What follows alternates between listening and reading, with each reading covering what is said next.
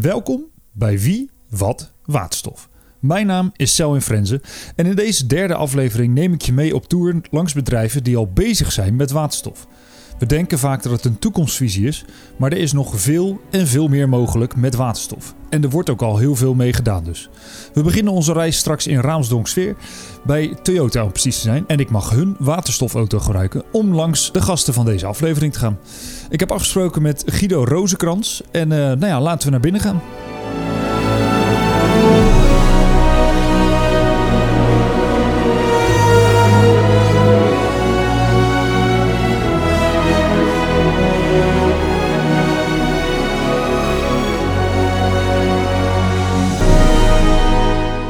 Guido, goedemorgen. Ja, goedemorgen. Uh, ja, wij mogen vandaag jullie auto lenen voor onze on-tour aflevering. We gaan daar ook allemaal locaties af. Uh, kan je eerst eens wat, wat, wat meer vertellen over de auto? Hoe is die ook uh, tot stand gekomen, dat soort dingen? Nou, ik kan er zeker iets over vertellen. Kijk, we zijn bij Toyota al, uh, al heel lang bezig met de ontwikkeling van waterstofauto's. We zijn al uh, in de jaren 90 ermee gestart. Uh, rond 2015 hebben we de eerste generatie op de markt gebracht. En dit jaar is de tweede generatie op de markt gekomen. Dus dat betekent dat Toyota ook echt ja, daar heel veel fiducie in heeft dat deze technologie heel belangrijk gaat worden voor de komende tijd. Nou, wat, wat is er nou anders aan deze auto? Uh, uh, ten opzichte van zijn voorganger, hij is uh, vooral wat groter geworden. Maar interessant ook, hij is ook serieus uh, zuiniger geworden. 30% ongeveer. Nou, dat is natuurlijk best wel heel veel. Ja, we zijn er ontzettend trots op dat deze auto nu in Nederland gearriveerd is. En je zegt al, hij verschilt dan qua, qua, uh, qua bereik ook van de vorige. Want waar zit daar het verschil in? Hoeveel, hoeveel meer kan je ermee rijden nu? Ja, je kunt er, uh, je kunt er ongeveer 30% meer mee rijden. De, de range, en dat is voor, wel heel erg fijn voor een waterstofauto, die is relatief groot. zeker als je het vergelijkt met batterij-elektrische auto's. die zit nu volgens de WLTP-norm, dat is een officiële fabrieksnorm, op, op 650 kilometer.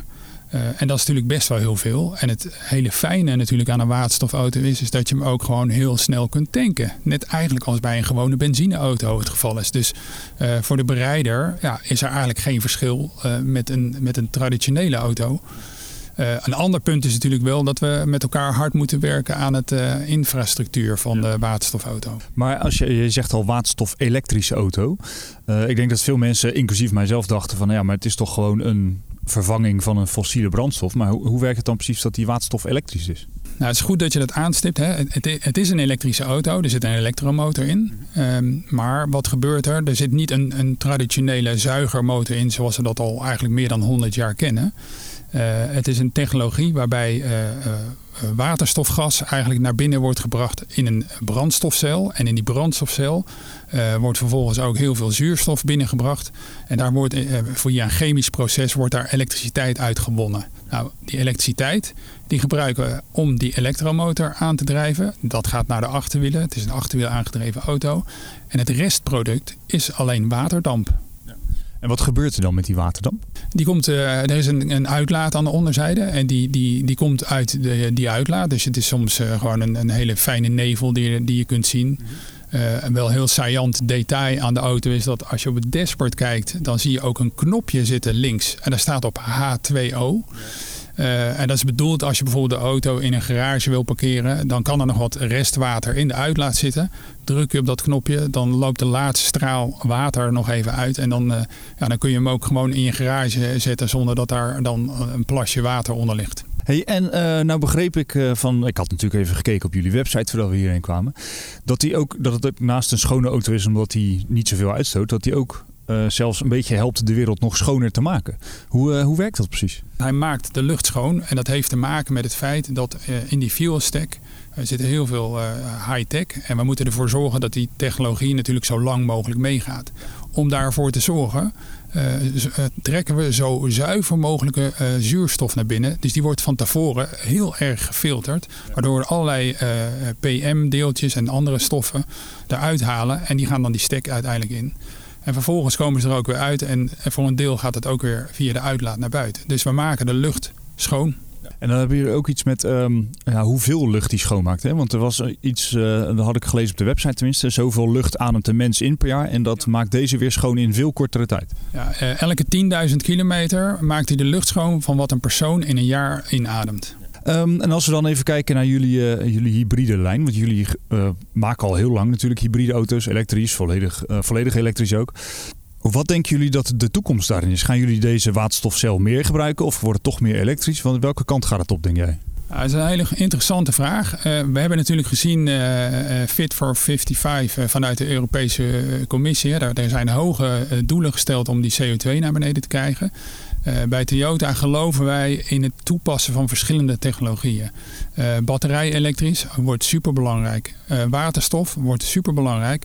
Hybride, waarbij je deels elektrisch rijdt en deels een benzinemotor, is al heel lang belangrijk. We hebben er wereldwijd al zo'n 17 miljoen van verkocht. En wat we nu bijvoorbeeld in dit tijdsgevricht zien, is dat toch heel veel mensen graag kiezen voor een hybride auto. Omdat je de voordelen hebt van een benzineauto, je tankt er namelijk mee. Maar ze zijn in de praktijk gebleken, ook door allerlei tests van de AWB en andere partijen, buitengewoon zuinig. Uh, en ze rijden in stedelijke gebieden vaak volledig elektrisch. Dus dat is eigenlijk een hele mooie vorm waar we nog best wel lang mee bezig zullen zijn uh, om ook de gemiddelde CO2's naar beneden te krijgen. Dus dat helpt ook. Ja, jullie zijn, je zei al, jullie zijn al vanaf de jaren negentig bezig met waterstof. Nog ver voordat er überhaupt gedacht werd aan we gaan elektrisch rijden met z'n allen natuurlijk. En dan kan ik me voorstellen dat jullie ook nu al misschien bezig zijn met nou, over 30, eh, 40 jaar nu. Dus wat gaat er nog allemaal aankomen, denk je? Ja, dat is wel interessant. Uh, wij zijn natuurlijk ook met die batterij-elektrische auto uh, heel erg bezig. En je ziet dat die technologie die er nu is, uh, vaak lithium-ion technologie, dat die, dat die wel goed is, maar vrij duur. En ook best wel zwaar en groot. En Toyota is al een tijd bezig om zogenaamde solid-state batteries te maken. Die zijn veel kleiner. Er zit ook geen vloeistof meer in. Uh, kunnen sneller opladen, uh, kunnen ook een grotere range aan en zijn waarschijnlijk ook wat goedkoper om te produceren. En dat is belangrijk, want we hebben natuurlijk die discussie ook over de rare metals. We proberen zo min mogelijk rare metals te gebruiken. Dus, dus, dus meer geavanceerde batterijtechnologie zit zeker ook in de pijplijn. En waar gaan we dat dan allemaal in terugzien in de toekomst, denk je? Uh, we hebben nu bijvoorbeeld een fuel stack in een Toyota Mirai zitten. Maar diezelfde fuel stack, oftewel brandstofcel, die gaan we ook toepassen in vrachtwagens, in treinen, in boten, in vorkheftrucks als generatoren. Uh, en Toyota heeft bijvoorbeeld uh, de capaciteit van de fabriek van die brandstofcellen al vertienvoudigd. En je ziet bijvoorbeeld ook dat deze Mirai, tweede generatie, ook al in prijs is gedaald. Dus dat is een hele interessante ontwikkeling. Dat je ja, ook die brandstofcel in heel veel soorten mobiliteit zult gaan zien. Nou, ja, nou zijn we natuurlijk met, uh, met de auto voor mobiliteit heel erg bezig. Maar we gaan het ook waarschijnlijk terugzien in, in andere zaken. Ik sprak in de vorige aflevering bijvoorbeeld Ad van Wijk. Die had het over dat we misschien wel waterstofgeneratoren in huizen gaan zien. Zijn jullie daar ook al mee bezig? Ja, daar zijn we zeker mee bezig. We hebben in, uh, in, in Japan aan de Mount Fuji, de, de belangrijkste berg van Japan, uh, is er een gebied waar Toyota nu een nieuwe stad aan het bouwen is. de Woven City heet dat. En die stad die gaat volledig op waterstof draaien. dus dat betekent niet alleen de auto's die daar rijden, maar ook inderdaad de verwarming, allerlei apparaten die daar, die daar gebruikt worden, zullen op waterstof gaan draaien. En ja, dat is ook de voorbode. Hè. We gaan natuurlijk uiteindelijk van het fossiel af. En dan is waterstof daar een hele goede oplossing voor in de toekomst. Dus zij gaan het daar laten zien dat het gewoon kan. Nou ja, laten we, laten we naar de auto gaan. Dat lijkt me een heel goed plan.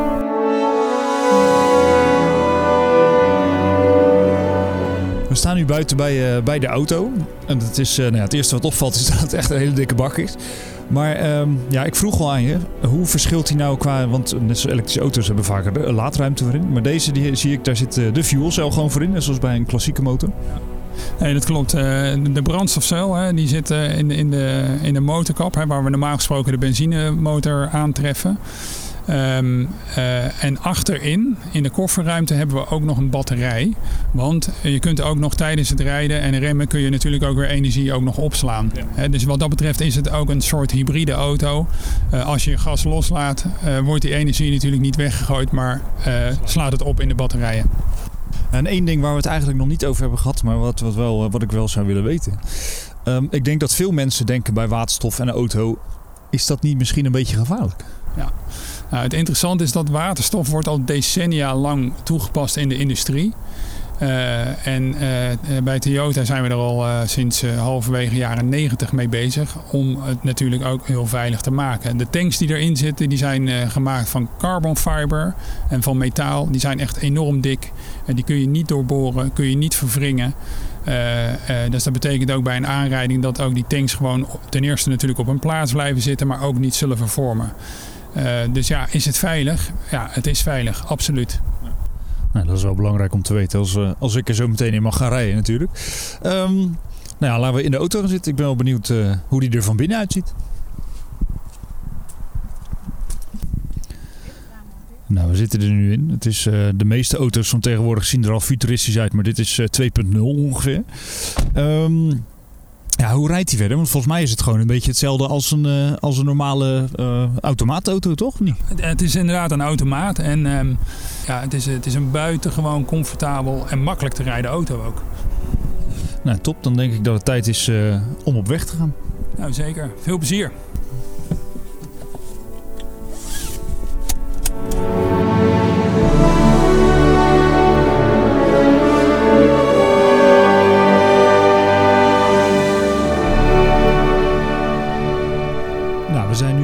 Auto onderweg naar uh, Gorkum. Want we zijn onderweg naar EMF Bakery Systems. Die een oven hebben op waterstof. En daar ben ik natuurlijk wel heel benieuwd naar. Ondertussen ben ik wel even aan het genieten van de auto. Het lijkt heel erg op uh, normaal elektrisch rijden. Alleen in plaats van dat je lang moet stekkeren of moet opladen, kan je hem gewoon tanken natuurlijk. En dat duurt vijf minuten, hebben we net al gehoord. Dus uh, nou ja, ik ga nog even lekker doorgenieten. En dan zijn, horen we jullie zo in Gorkum weer. Nou, rijdt dus echt helemaal dikke prima, zo'n waterstofauto. We zijn aangekomen in Gorkum bij EMF Bakery Systems. Uh, zij hebben dus een waterstofoven. En uh, ik hoop stiekem dat er ook wel wat in de oven zit, want ik heb wel een beetje trek gekregen. Ik word vergezeld door uh, Lex van Houten. Lex, een hele goede morgen. Goedemorgen, welkom. Um, ja, we, zijn hier, nou, we staan in jullie Innovation Center. kun je even kort uitleggen, wat, ja, wat doen jullie precies allemaal hier? Uh, we doen heel erg veel leuke dingen als het gaat om uh, voedselproductie en, uh, en vooral machines voor de, voor de voedselindustrie. grote bakkerijen, maar ook pizzaproducenten mogen tot onze klanten berekenen. En wij maken de hele machinelijn, de productielijn voor ze. En hier in het innovatiecentrum testen we dat vooral samen met klanten. Ja, en ik kan me voorstellen dat jullie natuurlijk vooral veel met uh, nou ja, het, het, het, ouderwetse gas en, uh, en houtovens en steenovens misschien werken. Maar jullie zijn hier natuurlijk volop bezig met de energietransitie die gaande is. En wat kan er nog allemaal gaan gebeuren? Ja, nou ontzettend veel. En ik denk dat we daar een hele mooie stap genomen hebben al. Uh, nou ja, de, de oven, zoals die in een grote bakkerij staat, is een enorme energieslurper, denk ik. gemiddeld 50.000 kubieke meter gas per maand is, is geen uitzondering. Dus wij zijn gaan nadenken hoe kunnen we daar nou eh, in helpen in die energietransitie. En hoe kunnen we daar nou eh, onze klanten in, in ondersteunen. En daar hebben we denk ik een mooie oplossing voor gevonden. Ja, en is die oplossing dan, gaan jullie naar elektrisch? Gaan jullie naar waterstof? Waarom we natuurlijk hier zijn. Wat, welke mogelijkheden zijn er allemaal? Nou, die, die zijn heel divers. Um, ik denk dat we al een, een tijd lang uh, uh, meerdere opties aanbieden. Dus de oven op gas bereikt hoge temperaturen, wat voor sommige producten ideaal is. Uh, maar ook elektrisch is al mogelijk. Uh, we kunnen ook hybride modellen aanbieden. Dus een, een oven die uh, zowel op gas als op elektriciteit werkt. wat misschien wel heel goed werkt voor het product. In het begin wat minder warm of juist heel heet. En daarna wat minder warm en goed doorgaren. Uh, en uiteindelijk hebben we waterstof daar nu aan uh, toegevoegd. Uh, nou ja, en, en, waterstof heeft nog een prachtige extra bijkomstigheid. Dat als je het verbrandt, dat er nog vocht ontstaat in de oven. En hoe mooi is het als een deegproduct moet ontwikkelen met een beetje extra vocht. Dan wordt het alleen maar mooier en beter. Ja, ideaal lijkt me dat. Um, dan komen we bij de, de waterstofoven, daar staan we nu voor. Hoe lang, hoe lang hebben jullie deze al in gebruik? Um, deze draait al, ik denk, bijna een jaar nu. Hier, ja, dit is natuurlijk ons eerste model in het innovatiecentrum, waar we zelf ook testen en, en valideren en, en, uh, en, zorgen dat het, uh, dat het tot een industrieel concept uh, komt. Nou, dat is inmiddels gepasseerd, dat station. patentaanvraag is ook zo goed als afgerond, dus we hebben ook onze ontwikkeling beschermd, zeg maar, daarin. Um, ja, en we doen eigenlijk al een hele tijd nu testen en demonstraties voor klanten om zaadjes te planten voor de toekomst vast. En is er, al, is er dan al een beetje interesse vanuit de klant? Ja, die is er zeker. Heel erg veel. Uh, de eerste moet nog wel uh, verkocht gaan worden. Uh, maar dat betekent dat, dat, niet dat er geen interesse is. Maar vooral dat de beschikbaarheid van waterstof vaak de bottleneck is. Dat klanten nog geen waterstofpijplijn of elektrolyseapparaat of een, of een centrale in de buurt hebben. Dus nog geen waterstof om te verbranden. Ja, dat is, dat is lastig. Maar ja, daar zijn we natuurlijk ook volop in, in, in ontwikkeling. Goed. Ja, ik ben nu vergezeld door, vergezeld door eh, Rutger uh, Schakelaar. En um, ja, wat, wat, waar wordt deze vooral voor gebruikt? Ja, nu is het voor het Innovation Center natuurlijk. Maar wat, wat, wat bak je allemaal in deze waterstofoven? Wij bakken deze, dit is een specifieke stenen vloeroven. Met name gericht op pizza productie. Maar we kunnen hier ook additionaal, kleinbrood kunnen we hierop bakken. En eigenlijk alles wat je met een direct gestookte oven kan bakken, zou je dus ook met deze waterstofoven kunnen bakken. Nou, je had het al even over de aansturing. Laten we even naar, een stukje naar de zijkant lopen. Want je haalde net een paneel los. Maar ja, ik, uh, ik kan hier geen wijsheid. Ik zie ontzettend veel kabeltjes en metertjes en gasleidingen. En um, ja, hoe, hoe werkt het nou precies? Ja, we hebben hier een uh, direct gestookte oven. We hebben hier dus acht branders als bovenwarmte, acht branders als onderwarmte en acht branders als matvoorverwarmings. Uh, met die branders kunnen wij een ideaal profiel neerleggen voor om elk product te bakken die wij in deze testoven kunnen bakken. En uh, wat je eigenlijk hier kan zien is dat dus uh, het gas is separaat toegevoerd naar de brander en de lucht. En samen vormen ze natuurlijk dat de ontbranding ontstaat. Maar we moesten natuurlijk ook voor de gasveiligheid moesten wij veranderingen doen, omdat waterstof is geurloos Ehm, je ziet geen kleur. En dat hebben we inmiddels gerealiseerd. En is die, uh, die hitte die is dan misschien vergelijkbaar met zo'n warme zomerdag boven het wegdek? Dat je wel zo'n zo'n ja. hittelaagje ziet? Dat klopt. Dan zie je dus, eigenlijk zie je alleen dat hittelaagje. En je ziet geen kleur, je ziet ook geen vonk van de brander afkomen.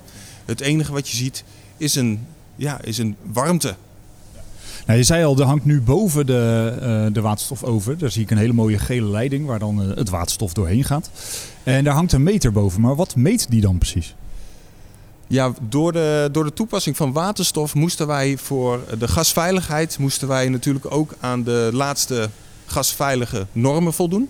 Dat betekent dus ook dat wij de, alle koppelingen moesten wij vervangen in, uh, in een hogere gradatie uh, van koppelingen. Omdat waterstof is het kleinste element en dus ook het vluchtigste element.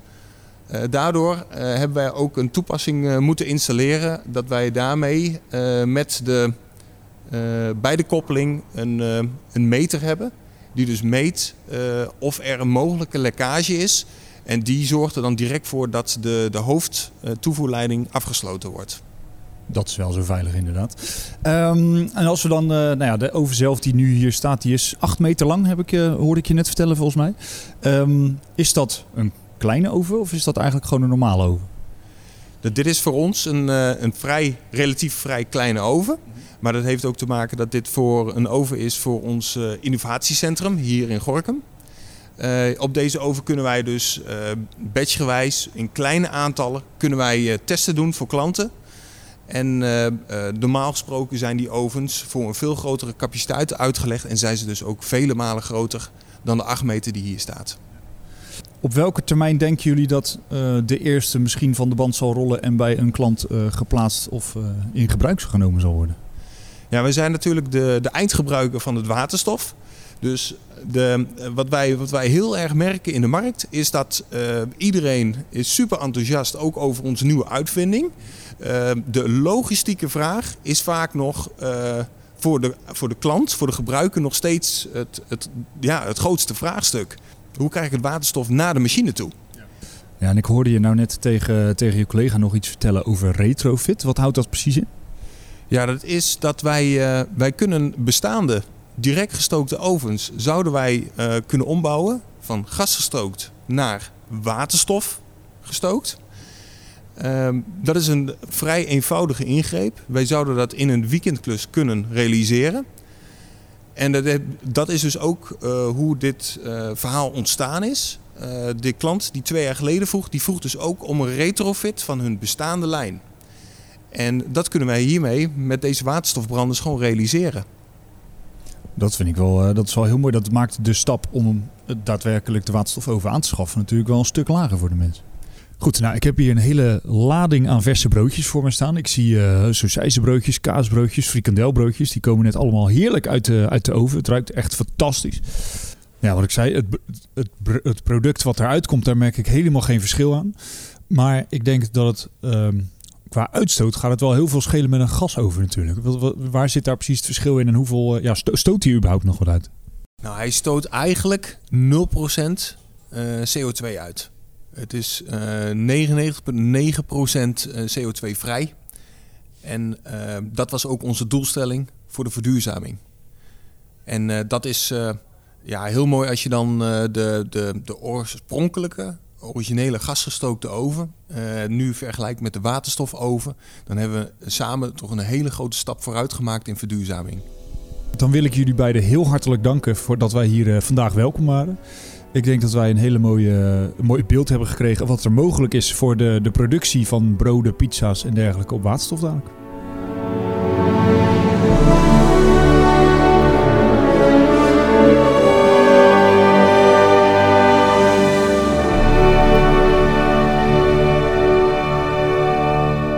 Goed, het is tijd om, uh, om te gaan tanken.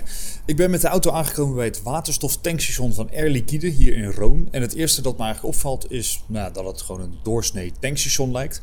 Het enige verschil zijn die gigantische compressoren die ik daar zie. Die uh, denk ik de waterstof koel en onder druk houden. Ik heb hier afgesproken met Anna Spani van Air Liquide. En zij kan mij veel meer vertellen over waar het bedrijf allemaal mee bezig is op het gebied van waterstof. Uh, nou ja, we staan hier nu natuurlijk bij een tankstation. Maar is dit echt alleen maar personenvervoer wat hier komt? Of komt hier ook uh, vrachtwagens, bussen, noem maar op? Uh, dit is inderdaad een personenauto-tankstation, dus je kunnen hier 50 personenauto's per dag tanken. Op dit moment tanken er ook bussen van de RIT en de Connection.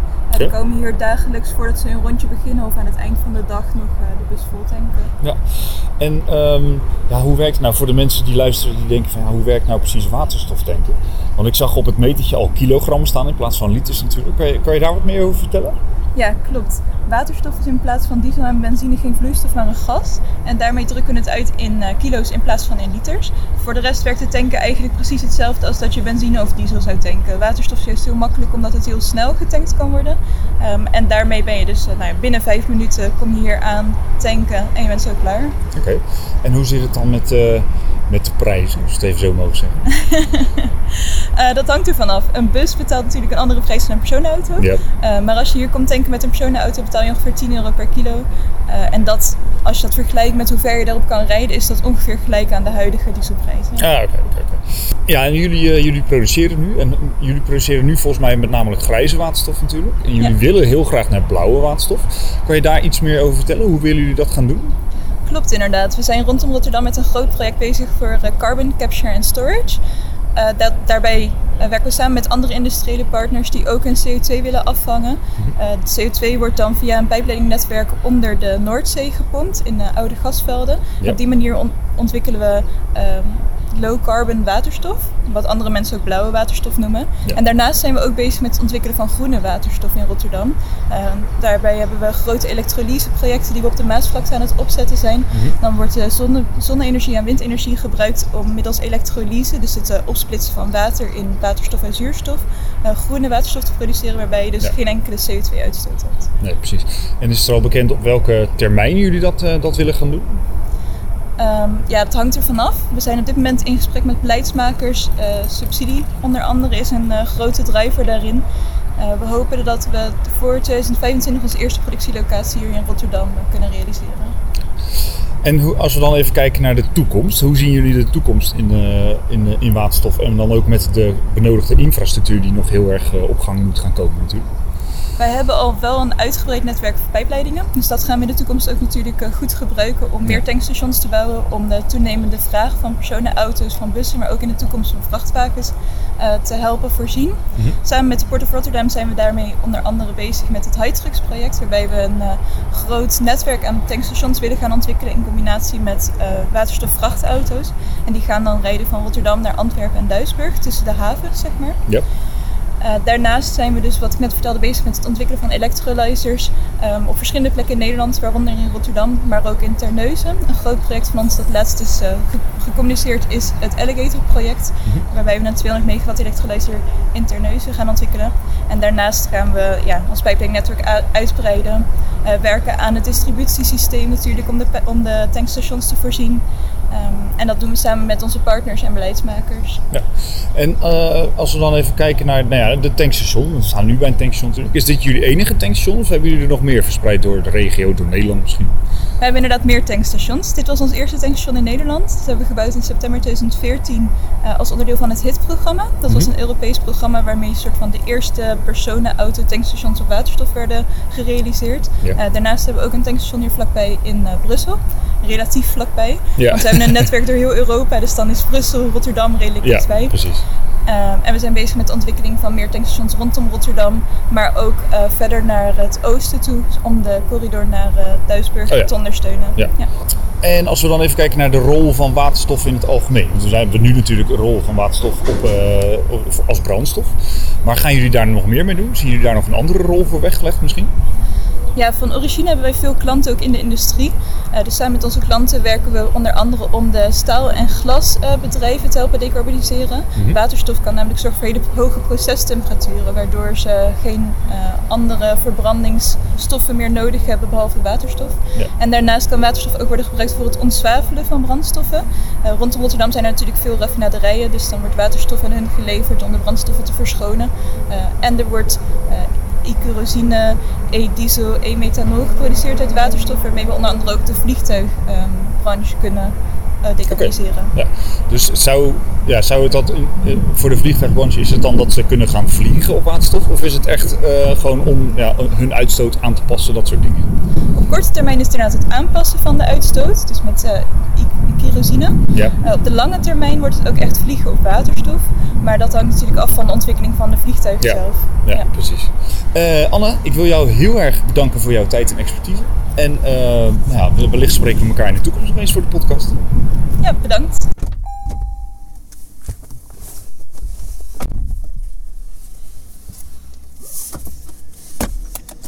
Dat was hem. Aflevering 3 van Wie, Wat, Waterstof. Zoals je hebt kunnen horen, wordt er al heel veel gedaan met waterstof en kunnen we ook al heel veel. We kunnen ermee rijden, we kunnen erop bakken. En je kan het gewoon tanken zoals je met je huidige benzineauto kan doen. Wil je nou nog veel meer weten over de gasten van deze podcast of uh, gewoon over de podcast zelf? Check dan onze website portofrotterdam.com slash wie wat waterstof. Volgende maand, dan zijn we er weer en dan gaan we het havengebied in om te kijken wat er in de haven al allemaal gebeurt met waterstof. Vergeet niet onze podcast te liken en je te abonneren als je dat nog niet gedaan hebt, want dan worden wij weer beter gevonden en daar worden we blij van. Graag tot de volgende keer.